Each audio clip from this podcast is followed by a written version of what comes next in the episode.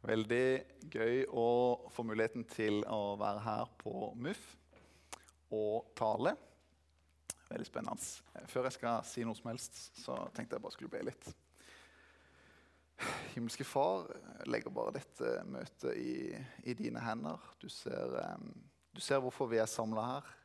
Eh, du ser at vi ønsker å, å sette fokuset på deg, Jesus, eh, og bli fylt, bli fylt av deg. Eh, og at vi skal se mer av deg og hvem du er. Jeg ber om at du må bruke denne tida, at du må bruke meg til å forkynne og til å dele det som du ønsker at um, folk skal høre, og det folk trenger å høre. At det skal være dine ord, ikke mine, far. Amen. Ja vel. Jeg tenkte jeg skulle snakke litt om eh, et tema som, og et spørsmål som jeg syns er veldig spennende nemlig 'Hvorfor er du kristen?' Eh, og Det syns jeg er et, eh, et, spennende spørsmål og et utrolig viktig spørsmål. Både for ens egen del, men kanskje også spesielt i møte med andre. Men før jeg skal si noe som helst mer Skal vi se om vi ja, Fordel å skru på denne. Før jeg skal si noe som helst mer om det, så tenkte jeg skulle fortelle en eh, liten historie. For noen uker siden, kanskje en sånn tre uker siden, så var vi en gjeng som var ute på Markens gate og snakka litt med folk. Delte ut litt kaffe, eh, snakka litt om, om, tro. Spurte ja, hva, hva er det du tror på, eller eh, eh, og sånn. Og Da hadde vi noen, noen eh, gode samtaler og noen ikke fullt så gode samtaler. sånn som det ofte er. Men litt senere på kvelden så kom vi i prat med to gutter eller studenter, da, som, eh, som, begynte å snakke litt og spurte ja, hva er det dere tror på. Og de svarte litt, og det var litt sånn vage svar. og med, sånn, Det var ikke så mye de trodde på. Og sånn. Og så litt seinere eh, i samtalen så, så, kommer spørsmålet Ja, hva, hvem er dere, eller hva tror dere på? Og, eh, og åssen kan dere vite at, at kristendommen og alt det der bare ikke er en prank? Altså, jeg syns det var en litt artig måte å formulere seg på. Eh, men samtidig så, så, stiller han egentlig et veldig godt spørsmål. Eh, kanskje sagt på en litt sånn jordnær måte. da. Eh, hvorfor er det troverdig? Hvorfor gir det mening å tro på, på det dere tror på? Og Det er et veldig sånn, viktig spørsmål i, i møte med, med, folk som ikke kjenner Jesus, eller folk som er i, i, i tvil eh, om tro. Så før før jeg tenker å si noe mer om hvorfor jeg er kristen, og hvorfor eh, jeg mener at du har gode grunner til å tro på Jesus og følge han, så tenkte jeg skulle gi dere muligheten til å svare på det sjøl. Litt sånn i kjent MUF-stil, men bare litt tidligere på møtet. Eh, nemlig å svare på hvorfor er du kristen, og hvordan kan du vite at det ikke bare er en prank? Eh, så jeg tenkte vi bare kunne gå helst to og to, gjerne tre og tre, fire og fire hva en som passer, og bare prøve kort minutter. Ikke noe sånn presentasjonspress. Eh, altså Hvis du ikke har peiling på hva du skal si, trenger ikke å si noe. Og hvis du ikke er kristen eller er usikker på tro, ja, så, så kanskje svar heller hva tror du at er grunnen til at de kristne tror på Jesus, eller det de gjør. Eh, så prøv et par minutter, og så stopper jeg det etter hvert.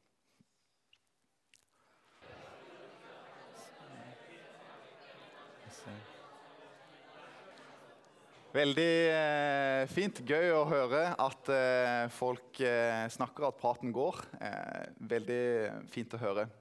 Det som er så kult og som er så fint er jo sånn sett med det spørsmålet, hvorfor er du kristen, det er at akkurat det svaret er det ikke nødvendigvis noe fasitsvar. Det, det kan være forskjellig fra, fra den enkelte. Eh, og det vil òg eh, sånn sett være riktig for deg uansett. Altså, ikke, det er fort å tenke litt sånn apologetikk eller litt sånn trosforsvar. å, jeg må ha det riktige svaret på veldig sånn vanskelige ting. Men hvorfor akkurat du er kristen, det er jo sånn sett riktig for deg uansett. Og det er noe du alltid kan ha med deg som et argument, argument eller som et slags verktøy da, i møte med, med, mennesker. Så det å på en måte klare å ha, ha noe som en sånn sett er trygg i at en kan si i møte med andre, det er utrolig verdifullt. Og det var nettopp det som var tilfellet for min del i møte med disse på gata. fikk spørsmålet ja, hva er det, hva er det dere tror på. Eller, eh, så det jeg tenkte å bruke tid på i dag, det er egentlig å svare på spørsmålet. Først tenkte jeg å si eh, Skal vi se om vi får han til å virke òg. Eh, først tenkte jeg å bare si litt kort hva svart det. Og i møte med han her fyren da, så sa jeg at ja, jeg tror at Jesus er en historisk person som levde på jorda, og at han døde på korset, fysisk døde, og, eh, og at han etter tre dager faktisk sto opp fra de døde og var den han hevda at han var. At han var Guds sønn, og at han var vår redningsmann. Det er på en måte det som er essensen i hvorfor, på en måte, hva det vil si for meg å være eller sånn som jeg opplever at det å være kristen er. Og så kommer mer spørsmålet hvorfor tror jeg at det er troverdig. Og Det er det mange ting som jeg kan si, som jeg skal gå litt mer inn på, som har vært viktig for min del senere. Men for min del så har det viktigste vært OK, Jesus døde. Og så, etter de tre dagene, eller etter han døde, så sier disiplene hva var det egentlig som skjedde? Jesus døde. Det funka ikke sånn som vi hadde tenkt. Vi trodde han liksom skulle være redningsmannen, men nå er han død. Han er helt borte. De var helt motløse. Og så, etter tre dager, så er de så overbevist om at han er Messias, han er redningsmannen, han er den de har venta på, at de i seinere sitt liv er villige til å gå i døden for den sannheten. De er villige til å le, lide martyrdøden for denne sannheten. Og Hvis du hadde vært disiplene og dikta opp alt med Jesus, faka hele døden og faka hele oppstandelsen, og alt det der bare var noe du fant på av en eller annen grunn, ville du da gått i døden for det?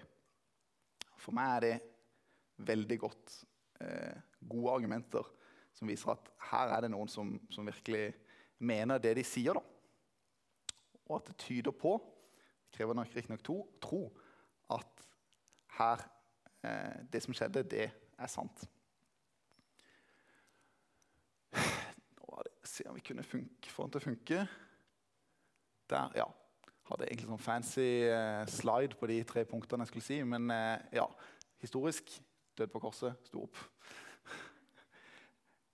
Jeg har ikke introdusert, introdusert meg sjøl.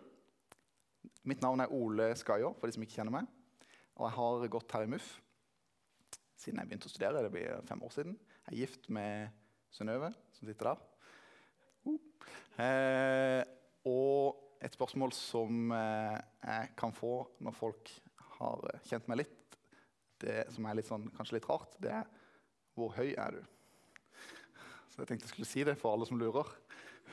1,92 høy. Ja, ja, det, I den grad jeg har prestert noe for å få den høyden, så kan det, eh, det har kommet ganske gratis. for å si det sånn. Det, så tenkte jeg jeg skulle si en liten eh, fun fact om meg sjøl, eller en eh, litt sånn artig historie. da.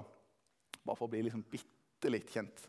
Og det var i, For noen år tilbake, i 2015, så var det en sånn veldig sjelden måneformørkelse som skjedde. Og akkurat den natta så var meg og en kompis og lå under åpen himmel på Hardangervidda. Det var sikkert den eneste natta jeg sov under åpen himmel hele det året. Problemet var at verken meg eller han visste at det var måneformørkelse, så vi sov. Det, jeg, jeg, kan si at jeg har ligget under åpen himmel under måneformørkelse, men sov. Så det er litt sånn noe å skryte av. Hva er det egentlig jeg vil eh, formidle, eller hva er det jeg vil at du på en måte skal sitte igjen med etter det jeg skal si i dag?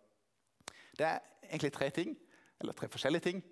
Hvis du tenker at ja, vet du hva, dette her er vanskelig, nå skal vi ha liksom masse spørsmål og svare på disse tingene, dette er utfordrende, eh, så, så, vil jeg at du skal vite at eh, det er helt lov å bare sitte og lytte og ta til seg det som blir sagt. Og ta det som en måte å bli styrka i troa og hvile i det.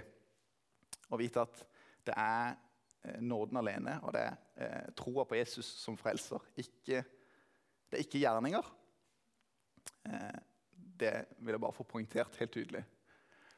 Det andre punktet er for de som ikke nødvendigvis eh, er frelst, eller for de som er usikre på tro, eller litt sånn nysgjerrige. nysgjerrig.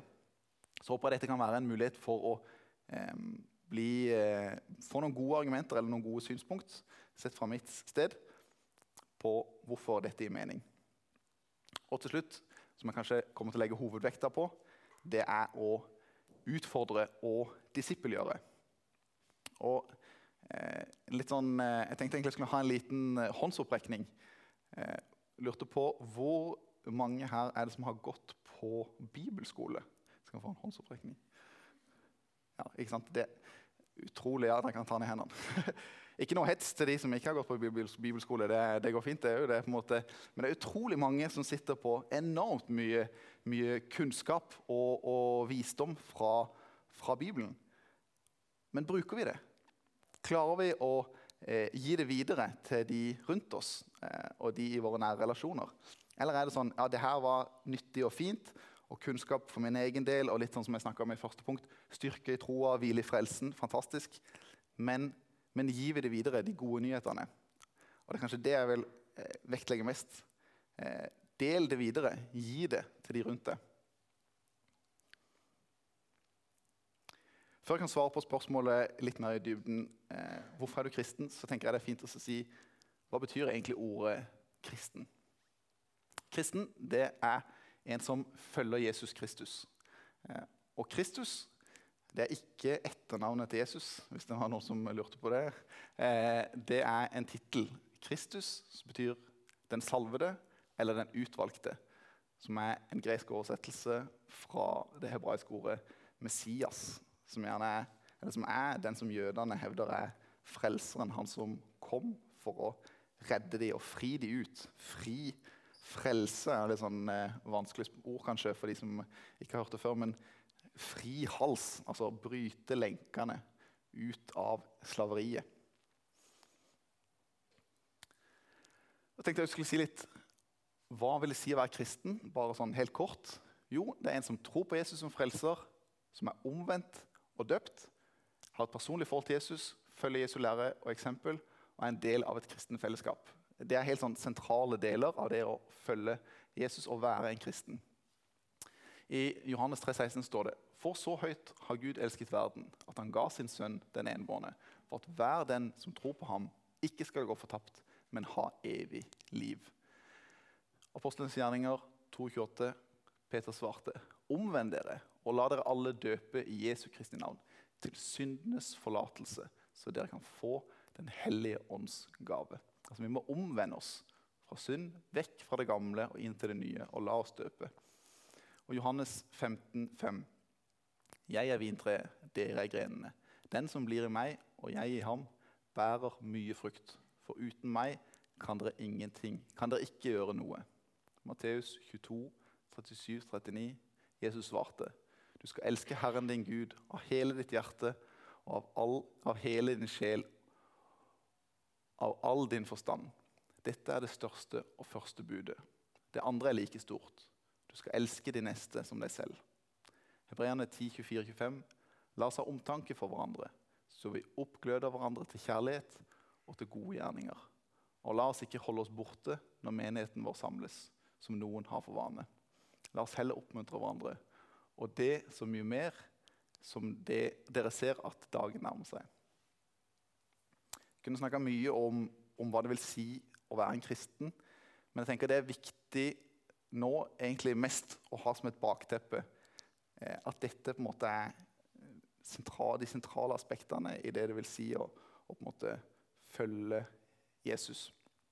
Så kommer kanskje det som, kommer det som jeg vil vektlegge. da. Hvorfor? Jo, dette med Jesus' historiske troverdighet.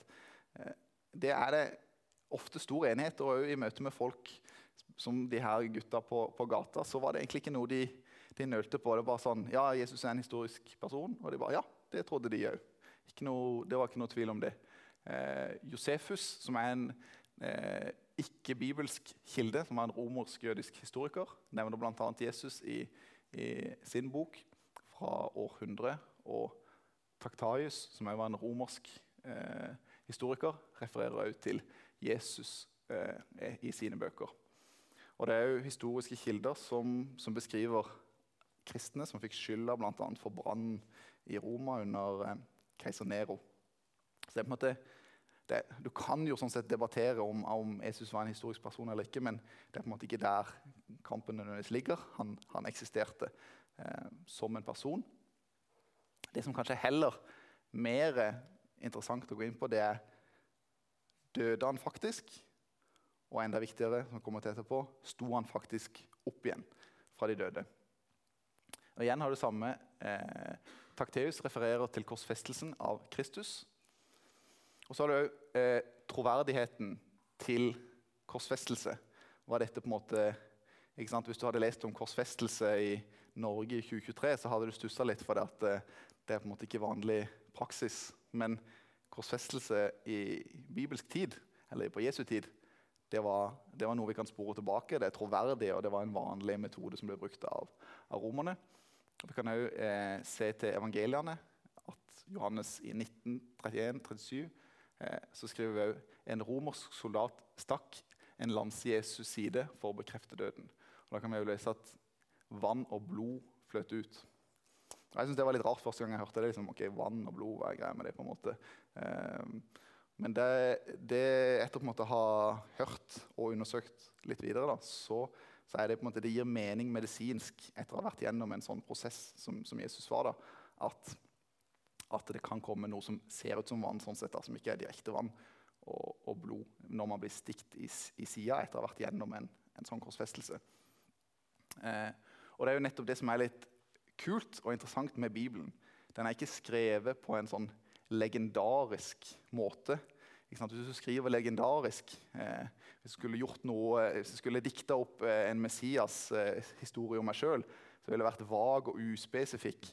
Jeg ville ikke hatt med detaljer, jeg ville ikke hatt med årstid, jeg ville ikke hatt med folk, jeg ville ikke hatt med eh, geografi. For Hvis jeg hadde gjort det, og det ikke hadde vært sant, eh, så kunne det blitt spurt tilbake. og så kunne jeg sagt, ja, hvis jeg, hvis jeg var Messias i Kristiansand i 2023, og sånne ting, og jeg sa at jeg var sammen med Ola på MUF, på en måte, så kan man spørre ja, Ola, gir det mening. liksom, Var Ole Messias? Nei. nei. Så kan man si nei, han var ikke det. Det var, stemte ikke. ikke sant? Og det samme var Jesus. Han, han, eh, han var helt konkret under eh, i den tida som han levde, og vi kan spore tilbake at det faktisk stemmer. Og at det dermed gir, gir troverdighet. Og så over til siste punkt, egentlig. Sto han virkelig opp? Og her syns jeg det er veldig spennende, for her nytter det på en måte ikke å bare eh, Du kan ikke på en måte si vi skal vitenskapelig bevise at noen sto opp fra de døde. På samme måte som du kan ikke vitenskapelig bevise i en, en juridisk rettssak at noen ble drept eller et eller annet skjedde. Eh, du må se på de omstendighetene som ligger rundt, og se er det overbevisende å tro. Gir det mening at det som skjedde, var faktisk en oppstandelse fra de døde. Og Da kan vi se i evangeliene, tidlig vitnesbyrd. Alle evangeliene beskriver oppstandelsen, og Paulus refererer det til i sine brev. Og I bl.a. 1. Korinterne 15, 3-8 så kan vi se eh, Paulus' vitnesbyrd om oppstandelsen og bl.a. Jesus, og hvor han opptrer for eh, disiplene. Vi har kvinnene som finner den tomme graven, som er vitner til det som har skjedd. Og eh, i etterkant eh, av det som var Jesu død, så kan vi lese om eh, Jesus som viser seg for disiplene etter hans død. og blant annet I Johannes 28-24 så ser vi Jesus ber Thomas røre såret hans for å bevise at han var oppstanden, at han faktisk var til stede, og at han var levende igjen. Og så har du det som, som argumentet for min del, som er det mest slående, som jeg var inne på i starten, nemlig dette med martyrdød. Peter, som var eh, en av disiplene, han ble korsfesta opp ned under keiser Nero. Paulus skal visstnok òg ha blitt eh, drept under keiser Nero. Og vi kan lese om eh, Jakob, som òg blir drept under Herodes i, i apostlenes gjerninger. Og for meg er det bare så utrolig overbevisende. Hvorfor? Hvorfor tro noe så utrolig sterkt og virkelig leve ut det hvis det på en måte ikke er sant, hvis ikke det gir mening, hvis ikke han faktisk var Messias, hvis ikke han var han som han hevda at han var, han som kommer for å redde oss, kjøpe oss fri inn i evigheten og inn i paradis. Og Det koker jo litt ned til det altså at det er på en måte ikke, dette er jo ikke bare liksom noe ubetydelige greier. Dette er ikke noe hverdagslig opplegg. Det, det, vi snakker om evig liv her. Altså Det er på en måte den viktigste tingen du kan argumentere for eller vite noe om eller ha kjennskap til. Nemlig døde Jesus og sto han opp fra de døde. For det har en, en uendelig betydning. Det har en betydning for evigheten, både for meg sjøl, men òg for, for, de rundt oss og de i våre nære relasjoner. Derfor er det så utrolig viktig å kunne være bevisst på det, og ikke minst kunne dele det. Og det tenkte jeg skulle eh, gå litt i siste, inn i siste del av det jeg skal si. Nemlig hvordan fortelle det videre. Hvordan dele det som er de gode nyhetene om Jesus og om hans oppstandelse. Og Da er det noen vers som, har, eh, som jeg har eh, blitt viktig for meg, eller har blitt minnet om eh, den siste tida. Og det er Gi ikke hundene det hellige, og kast ikke perler for, for svin. De vil bare trampe dem ned, vende seg mot dere og rive dere i stykker. Matteus 7, 6. Og For min del så hadde jeg kanskje bare hørt det bibelverset litt sånn i, i hverdagslig forstand. Kast ikke perler for svin. altså. Ikke, ikke bruk eh, sløseri med penger og den type ting. Men eh, jeg, ble, jeg, ble, gjort oppmerksom på betydningen av dette i kontekst av å forkynne evangeliet og dele de gode nyhetene. Og Da syns jeg det er veldig eh, nyttig å være klar over ja, Hvis du skal gi evangeliet, altså det hellige ja, Ikke gi det til de som, de som, ikke vil ha det. Altså De som på en måte ikke vil ta imot evangeliet, de som ikke vil høre, de som er plent imot. Ja, da går man forbi. Og det opplever jeg en erfaring som jeg har hatt, eh, og som flere har hatt antageligvis, i møte med fremmede, spesielt på gata, eh, men òg i møte med, med bekjentskap og venner, og for så vidt familie. Ja, Hvis ikke de vil høre, ja, så gi dem en kopp kaffe, vær vennlig med dem og gå videre. Det er så fort å tenke at vet du hva, må, du, må, du, trenger Jesus, og du trenger Jesus, og du trenger Jesus. Og det er sant, alle trenger Jesus. Men, men hvis du tvinger det ned i halsen på dem eh, og slår Bibelen i hodet, så funker det dårlig. altså. Eh, jeg har tenkt på det noen ganger. Eh, hvis jeg liksom hadde hatt en kopp med evig liv, og så hadde jeg liksom tatt strupetak på liksom noen og bare helt det ned i halsen på dem. Du, hadde, jo, du hadde jo spytta det ut. For du tvinger det ned eh, på dem. Mens hvis du gir det i kjærlighet til noen og faktisk bryr deg om dem, og de er villige til å ta imot, ja, da kan det godt være, kanskje, muligens, at de vil ta imot det som er evig liv, og som er de gode nyhetene. Um, og i forlengelsen av det så tenkte jeg skulle fortelle en historie. Litt sånn eh, mot avslutning. Når jeg gikk på bibelskole i Oslo, eh, på Fjellhaug, så hadde jeg liksom praksisplass på eh, noe som heter Maritekafeen, som er en kafé for folk som sliter med rus. Og Eh, jeg, liksom, jeg, kom der så var jeg litt sånn gira type. Eh, jeg kom der og liksom skulle dele av kunnskapen jeg lærte på bibelskolen, og snakke med folk og virkelig liksom bry meg og ja, være Guds verktøy. da. Um, og det tenker jeg er en fin ting. Og Så kom jeg ned der, og så kom jeg i prat med en fyr. Liksom begynte å snakke med han da. Og han var en bøs type, altså. Han var liksom han så ut som, Det var ikke en type du ville møtt i et smug eh, en, en sein kveld. altså. Han var, så ut som han hadde levd et røft liv. Eh, og så liksom, eh, begynte han å fortelle om, om, livet sitt. Han fortalte og fortalte ja, han hadde eh, drevet med bankran de siste årene og hadde vært med i, i B-gjengen, som er en sånn profesjonell kriminell gjeng som driver med, med, Ikke Donald Duck, for de som lurer på det, men det, det, det, det er faktisk eh, gjengkriminalitet og, og sånn og fortalte òg om at han eh, de siste, For noen år siden så hadde han drevet Han, hadde, han var thaibokser. Hadde drevet profesjonelt med boksing. Og så hadde han begynt med boksing i sånn undergrunnskamper i, i Thailand. Eh, på sånn svartemarked. Og, liksom, og fortalte at han hadde, en gang hadde han blitt så skamslått eh, at han hadde, de hadde slått han så hardt og mange ganger i hodet at han hadde sprekt opp deler av, av framdelen av skallen. Og det, det, så jeg jo, for han hadde et vanvittig arr bare midt liksom, i, gjennom panna. Og han fortalte og fortalte og fortalte. Skikkelig sånn bøs type. Og så etter han har sikkert fortalt i, i en halvtime, og jeg har knapt nok sagt, sagt et ord, så begynner han plutselig å grine. Og bare liksom bare tårekvalt altså, og grine og grine. Og så sier han til meg Takk for at du lytta til det jeg hadde å si. Det er så utrolig lenge siden noen faktisk har, har brydd seg og var villig til å høre på det jeg hadde å si. Og til det jeg hadde å dele. Tusen takk for det. Og Det, det gjorde så inntrykk på han at, at jeg satt der og faktisk lytta til det han hadde å si. Og brydde seg om han. Eh, at han, han begynte å, å, å grine.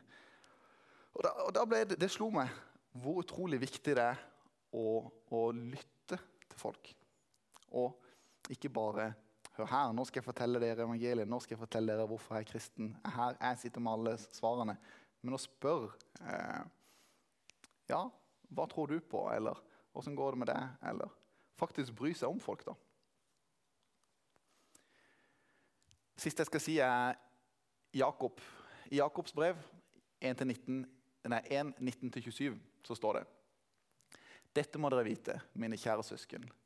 Enhver skal være rask til å høre, men sen til å tale. Nei, men sen til å tale og sen til å bli sint. For sinne hos et menneske fører ikke til det som er rett for Gud. Legg da av alt urett, urent og alt ondskap, og ta ydmykt imot det ordet som er plantet i dere, og som har makt til å frelse sjelen deres. Dere må gjøre det, dere må gjøre det ordet sier, og ikke bare høre det. Ellers vil dere bedra dere selv. For den som hører ordet, men ikke gjør ord, det ordet sier, ligner en mann som ser på ansiktet sitt i et speil. Han ser det, går sin vei og glemmer straks hvordan det så ut. Men den som ser inn i frihetens fullkomne lov og fortsetter med det, blir ikke en glemsom hører, men en gjerningens gjører. Et slikt menneske skal være lykkelig i sin gjerning. Den som mener at han dyrker Gud, men ikke holder tungen sin i tømme, bedrar seg selv, og hans gudsdyrkelse er uten verdi. En gudsdyrkelse som er ren og feilfri for Gud, vår Far, er å hjelpe enker og foreldreløse barn i deres nød og ikke la seg flekke av verden. Da tenkte jeg på Enhver skal være rask til å høre, men sen til å tale og sen til å bli sint. Dere må gjøre det ordet sier, og ikke bare høre det. Hjelpe enker og foreldreløse barn i deres nød. Og ikke la seg flekke eh, til av denne verden. Og Det var egentlig det jeg skulle si eh, her i dag. Ikke bare være en ordets hører, men òg en ordets gjører. Det er ikke handlinger som, som gjør deg frelst, men samtidig, vi som kjenner Jesus, vi er kalt til å eh, gå ut og gjøre disipler og til å dele evangeliet. Og det tror jeg er så utrolig viktig for å få med oss enda flere inn i, på himmelens vei. Himmelske Far, takker deg for eh, denne stunden her. Jeg takker deg for at uh, vi kan samles her på MUF. At vi kan ha fellesskap, at vi kan ha kristens fellesskap. Og Jeg ber om at MUF ikke bare skal være en plass som, som er en kristen klubb, men at det skal være en plass hvor vi kan utruste hverandre fra, hvor vi kan bli disippelgjort, hvor vi kan bli mer lik det, hvor folk som ikke kjenner det, kan komme hit, føle seg velkomne, hvor du kan være her og ikke være frelst, være usikker på tro, være usikker på hva det innebærer, og fortsatt føle seg velkommen, og at folk kan bli kjent med deg, far, og at folk kan bli frelst. Jeg ber om at eh, du må være med nå resten av møtet, og at du må spesielt være med nå eh, de som skal være med ut på gata og snakke med folk, og være med de enkelte i møte med, med venner og familie og søsken. Og hjelp oss og utruste oss, far, sånn at vi kan få med oss enda flere på eh, himmelens vei inn i paradis. I ditt navn. Amen.